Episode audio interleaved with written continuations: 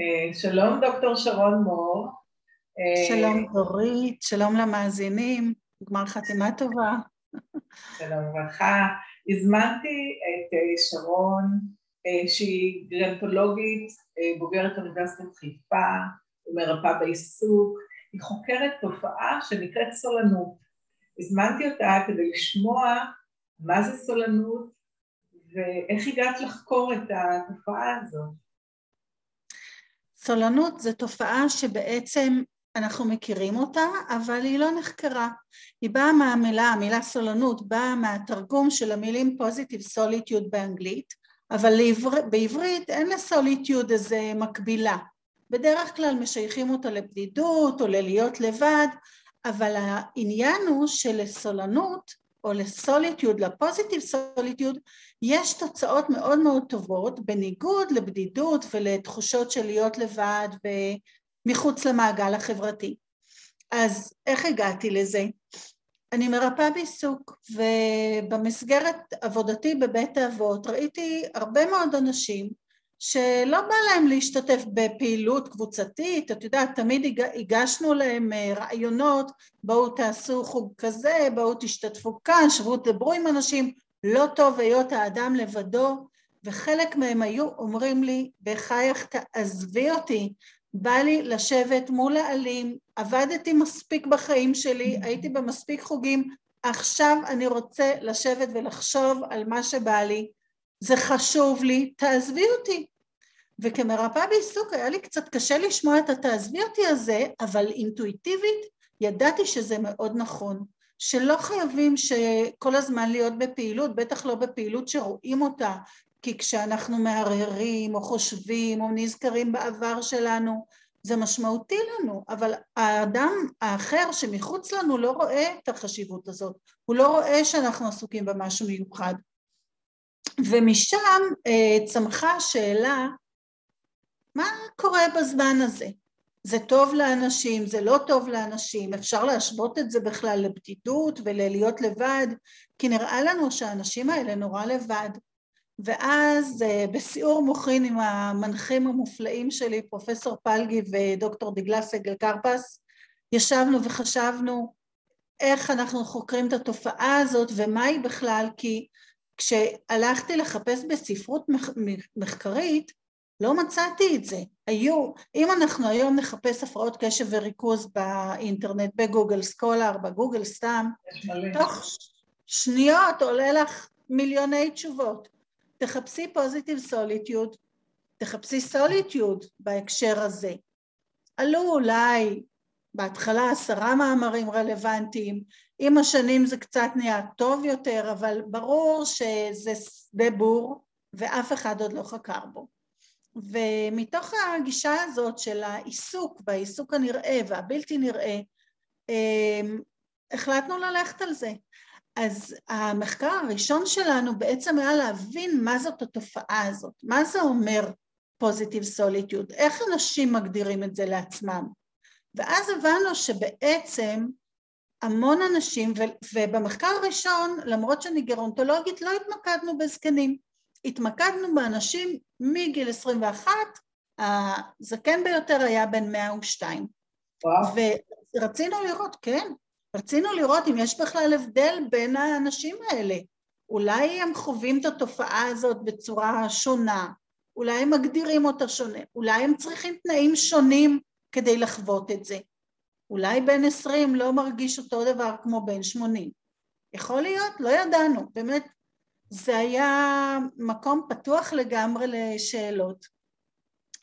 אבל לאט לאט מתוך הנתונים הבנו שקודם כל לש, לכולם יש מכנה משותף, שלושה מכנים משותפים בעצם. אחד זה שסולנות זה בחירה. דרך אגב, ברור שהאנשים שהשתתפו במחקר בכלל לא דיברו על סולנות, הם דיברו על להיות זמן עם עצמך הם דיברו על זמן איכות, זמן שכיף לי, כאילו שאני עושה מה שאני רוצה, הם לא דיברו על סולנות, עוד לא הייתה המילה הזאת בכלל. אז אה, כשהתחלנו לדבר על זה, גילינו שכל האנשים באופן גורף, כל 124 המשתתפים במחקר, וזה היה מחקר איכותני, שזה מטורף, אה, הממדים שלו. אז כל האנשים אמרו, דבר ראשון, אנחנו בוחרים בזה. דבר שני, אנחנו נהנים מזה. ודבר שלישי, זה משמעותי לנו. אז אלו בעצם שלושת התנאים שמבדילים בין סולנות ובין ללהיות לבד, או מצוקה כזאת של נשארתי בלי חברה ואני בודד. זה אחד. הדבר השני שראינו זה שסולנות בעצם נחלקת קצת כן לפי גילאים. כי בגילאים צעירים יש לך עיסוקים שהם שונים מאשר בגיל המבוגר, אבל כן יש דברים שמשותפים לגיל מבוגר ומ-65 ומעלה, וגם לאנשים מגיל 20 וכולי. אז שלושת הדברים שמשותפים לכולנו זה ש... או לאלה שנהנים מחוויית הסולנות, אני חייבת לציין שלא כולם נהנים מזה, יש כאלה שפוחדים מזה או שמרגישים לא נוח בלהיות עם עצמם, אבל אלה שכן. תחשבי רגע על עצמך, את לא צריכה את הכוס קפה הזאת בשקט בלי הנכדים, הילדים, העבודה, במעברים האלה. את גונבת כמה דקות כאלה של קפה, יש כאלה עם סיגריה, וזה השקט שלך, זה מחזיר אותך אל עצמך. אז העניין הזה, זה השקט שלך, שקט זה קטגוריה שמאפיינת את כל מי שהשתתף במחקר. כולם אמרו שאו שהם משתמשים בסולנות כשקט, של רגע, אני צריך את הזמן לעצמי, או שהסולנות שלהם גורמת להם תחושה של רוגע, של שקט, של אוי, אני עם עצמי, התחברתי לעצמי, חזרתי לעצמי. זה דבר אחד. הדבר השני שמשותף לכל הגילאים זה זה שאנשים אוהבים את הסולנות שלהם בטבע, או הם אוהבים איכשהו להתחבר, מי שהולך לים ויושב בערב מול הגלים ושותק לו עם עצמו, מי שעושה את ההליכה בבוקר מול אותם גלים, אלה שיוצאים לגינה עם כוס הקפה או סתם להסתכל על הפרחים שצמחו להם, או אלה שנודדים להימאליה ועומדים ומסתכלים על מפלים מטורפים ו... בוואו מהעניין הזה. אז כל אחד אוהב את העניין הזה של טבע קצת, אבל יש קצת הבדל פה, כי הזקנים למשל מעדיפים את הטבע שהוא קצת יותר קרוב אליהם, בעוד הצעירים מעדיפים באמת לצאת לטרקים ולעשות ככה דברים שהם קצת שונים. למרות שכשהגענו לפעילויות פיזיות אז ראינו שהרבה מאוד אה, מבוגרים עושים פעילות פיזית, הם הולכים, הם רצים, מתכוננים לטריאטלון, שוחים וכולי. אבל העניין הזה של טבע משותף. והדבר השלישי שקיים גם בצעירים וגם בזקנים זה העניין של אה, תחביבים, הובי, הרגלים ושגרות. למשל, אני אוהבת, אהבתי להוציא את הכלב אה, לטיול ולשים את האוזניות ולהקשיב למוזיקה שלי כשהייתי בת עשרים ואני אמשיך לעשות את זה גם בגיל שמונים. נכון, לא אותו כלב, אבל uh, עדיין אותו הרגל. כי זה הזמן שלי לעשות את ההליכה שלי בשקט, לנקות את הראש, לחשוב על מה עבר עליי היום, אז באמת אנחנו רואים שיש כאן את הדברים האלה של הרגלים, שגרות, יש אנשים שרגילים לקרוא ספר, לעשות סודוקו, להתאמן וכולי, זהה בין אנשים צעירים לאנשים מבוגרים. ואז גילינו עוד ארבע קטגוריות שיותר מאפיינות את האנשים הצעירים, למרות שפה ושם היה מישהו שככה אמר, אוקיי, אני גם עושה את זה.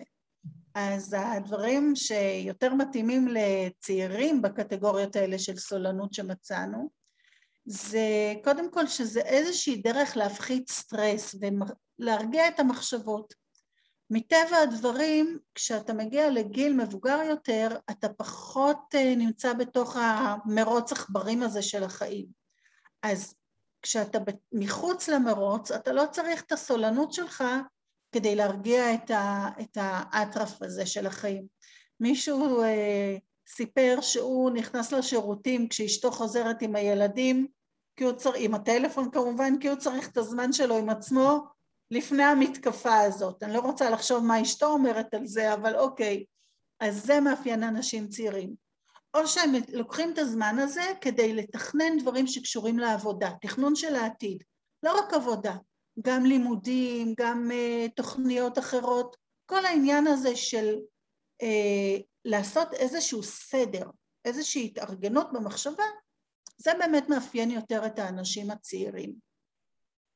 וגם העניין של אסקפיזם, קצת לברוח מהדברים, זה גם בסדר, אבל שוב, אנחנו מדברים על דברים שהם מידתיים, אני לא מדברת על זה שבן אדם הוא תמיד מסתגר ותמיד מתבודד, כי תמיד יש את השאלה הזאת. לא פתולוגיה, לא, לא, לא פתולוגים.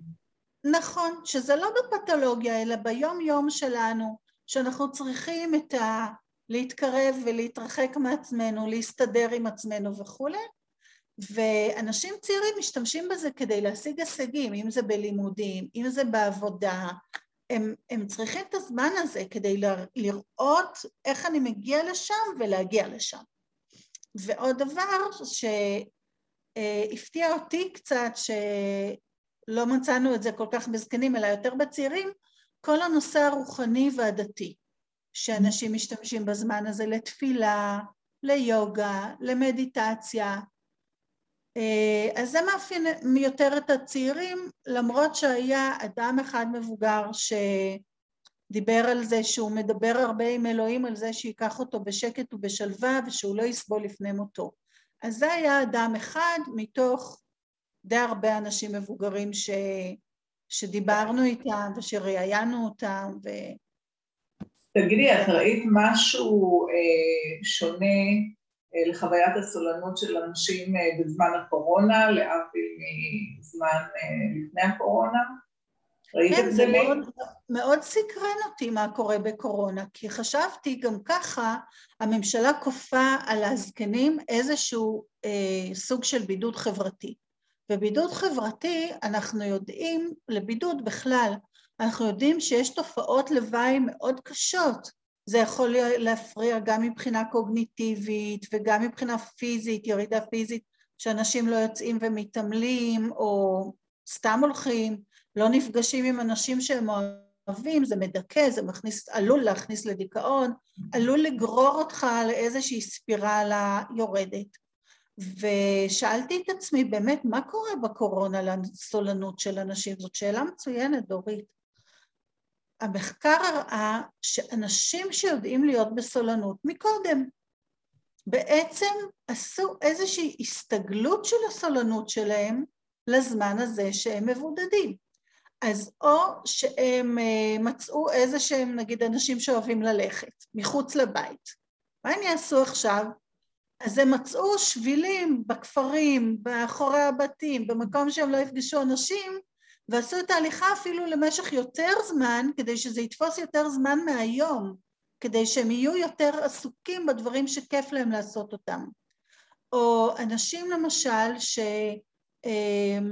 שמאוד אהבו דברים שהם משפחתיים, אבל הם לא יכולים לעשות עכשיו דברים משפחתיים. אז הם מצאו שהם יכולים לצאת מתוך הבית שלהם וללכת להסתכל למשל בגן שעשועים על משפחות מרחוק. תוך שמירה על עצמם.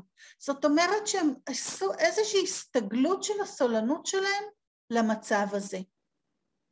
הייתה מישהי שתיארה תיאור מופלא על ההליכה שלה, היא גרה בשדה בוקר והיא הולכת למצוק של שדה בוקר והיא תיארה איך הסולנות בעצם עזרה לה להתגבר על, על המוות של דודה שלה מקורונה. זה היה בשלושת השבועות הראשונים של המגפה, אף אחד עוד לא ידע מה קורה, והאישה, הדודה שלה נפטרה מקורונה בחטף, זאת אומרת בלי שום הכנה.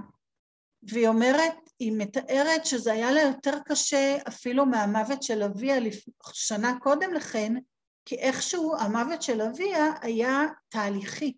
פה זה קרה בזבנג והיא מאוד אהבה את הדודה, והיא היא תיארה איך היא הולכת במצוק והיא מדברת עם הטבע ומדברת ומאבדת את החוויה ופתאום התפרץ לה בכי כזה שהיא לא יכלה לעשות אותו בשום סיטואציה אחרת חוץ מאשר במקום הזה שהיא כל כך מחוברת אליו והוא כל כך בנימי נפשה וזה פשוט פרק ממנה עול מאוד מאוד מאוד גדול ועזר לה לעכל את כל התהליך הזה שקשור לקורונה, והיא היא אמרה בסוף הראיון שלה, אני לא מקנאה באנשים שאין להם את הזמן הזה של הסולנות עם עצמם. וזה מאוד ריגש אותי לשמוע כזה משפט, זה לא משהו, היא באמת שמה את הלב שלה בתוך הרעיון הזה. אבל אני אומרת, אז זה מבחינה נגיד של חשיבה, של uh, תהליכים שעוברים כשאנחנו עם עצמנו, וגם מבחינה עיסוקית. הייתה מישהי שתיארה את זה שהיא יותר פותרת תשבצים וזה, וכשבאות החברות שלה, היא גרה בדיור מוגן, כשבאות החברות שלה ואומרות לה בואי נדבר וכולי, היא אומרת לא, אני מעדיפה להיות עם התשבצים שלי ובנחת שלי ובזמן שלי. אז בעצם גם הסולנות עזרה לאנשים להסתגל לקורונה, וגם אנשים סיגלו את כל פעילויות הסולנות שלהם לקורונה.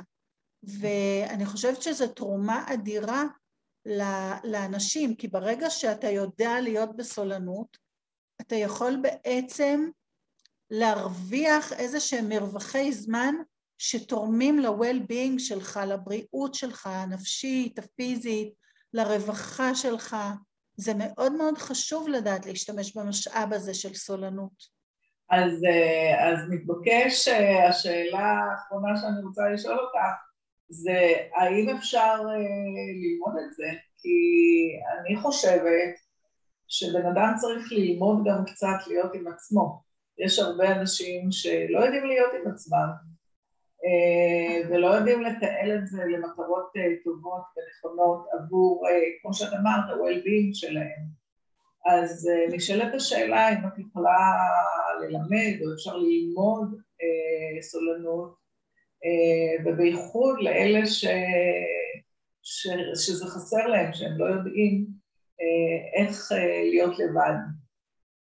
אז אמרנו שקודם כל ההגדרה של סולנות זה להיות עם עצמך בעיסוק משמעותי וליהנות מזה. הנקודת מפתח היא באמת העיסוק המשמעותי וההנאה ממנו. ואנחנו רואים קודם כל בהתפתחות התקינה של ילדים, אנחנו רואים שבעצם כשהילד קצת נפרד מאימא ואימא מאפשרת לו ללכת קצת יותר רחוק ולחזור, הוא לומד להיות עם עצמו. לא לכולם זאת חוויה טובה, נכון, אבל אנחנו יכולים, גם אם נגיד לא הפנמנו את החוויה הזאת בצורה המיטבית בילדות, או שיש לנו איזה שהם חששות ופחדים וכולי, יש טכניקות היום ללמוד את זה. אנחנו עוד מעט מוציאים בחריש קורס ממש ללימוד סולנות לאנשים מבוגרים. משתמשים בכל מיני טכניקות, במיינדפולנס, בהבנה של המשמעות של הדברים עבור כל אחד בפני עצמו. זה משהו מאוד מאוד אישי, אבל אפשר ללמד אותו בקבוצה ואנחנו בהחלט אה, בדרך לשם לעשות את זה. ואני יודעת uh, מניסיון עבר שקבוצות כאלה כבר עבדו ועובדות יפה. זאת אומרת, אמנם אנחנו בחריש נעשה איזשהו פיילוט מחקרי על זה, אבל בפועל זה כבר עובד. ואני באמת קוראת לאנשים שמרגישים שיש להם איך להתערם, שהם מרגישים שהם היו רוצים לפתח את זה, בואו לקבוצות שלנו ותעשו את זה, מפני ש... זה בסך הכל בסופו של יום משהו שחוזר אליכם בגדול ובטוב, כי לסולנות יש המון יתרונות, לא דיברנו עליהם, אבל יש לה המון יתרונות, היא גם תורמת לרווחה הנפשית, גם מחקרים מראים שיש איזשהו שינוי אפילו בפעילות ההורמונלית כשאתה עסוק בסולנות, במיינדפולנס, ה-well-being שלך, הרווחה שלך הולכת ומתרחבת. אתה יכול לעשות דברים שמדברים על נפשך ולפתח תחומי עניין, לפתח תחומי עניין חדשים, לעשות דברים שבאמת אולי לא העזת קודם, אבל עכשיו, במיוחד בזמן הקורונה ובמיוחד עם התעתועים האלה של כן סגר, לא סגר, מותר להיפגש, אסור להיפגש, זה הזמן לפתח באמת את העניין הזה שכל כך תורם לנו, לנו כבני אדם, וברגע שטוב לי, טוב לסביבה שלי. אני משליך את הטוב הזה החוצה מפני שקל מאוד להתחבר אל המקומות האלה שטוב. ויש לך אז על מה לדבר עם הילדים שלך, או עם הקרובים שלך ועם החברים שלך, כי זה משמעותי, זה מעניין, זה עושה משהו מאוד מאוד חיובי בהוויה שלנו. אז בהחלט כן, אני קוראת לאנשים להצטרף לקבוצות כאלה, יהיו לנו קבוצות כאלה ברחבי הארץ, ובהחלט לעשות את הקפיצה הטובה הזאת, אם עוד לא עשיתם אותה עד עכשיו. אני רק חייבת לציין שבאמת יש כל כך הרבה דרכים להיות בסולנות. אנחנו לא מלמדים את כל החוגים, כאילו, זה לא חוג, זה לא ללמוד לעשות מקרמה או גינון או קריאה או... זה לא זה, אלא זה באמת הדרך אל עצמך פנימה. וכשאתה מוצא את עצמך פנימה בטוב, אתה בהחלט יכול למנף את זה ולעשות מזה משהו שהוא סוכריה בשבילך. אז זה הסולנות, זה סוכריה בשבילנו, זה מתנה. כן, זה מתנה לחיים, מה שנקרא. טוב, האמת היא שזה היה מאוד מעניין, ואני באמת חושבת שאנשים צריכים אה, לדעת גם אה, להיות אה, בעצמם אה, ולעשות דברים אה, מהותיים, חלק מה... אה, מהחיים שכאילו חיים עם אה, משמעות. אה, ואני באמת מזמינה את מי שזה מעניין אותו ורוצה לשמוע עוד ולראות אולי זה אפילו יתאים לו בעצמו לפנות לשרון ואני בטוחה שמשם אנחנו נשאיר את הקישור לפרטים של שרון כאן בתגובות, ושיהיה לכולנו אה, חיים בריאים, מאושרים, ושנדע לעשות דברים משמעותיים לעצמנו גם כשאנחנו לבד. להתראות. תודה רבה, להתראות.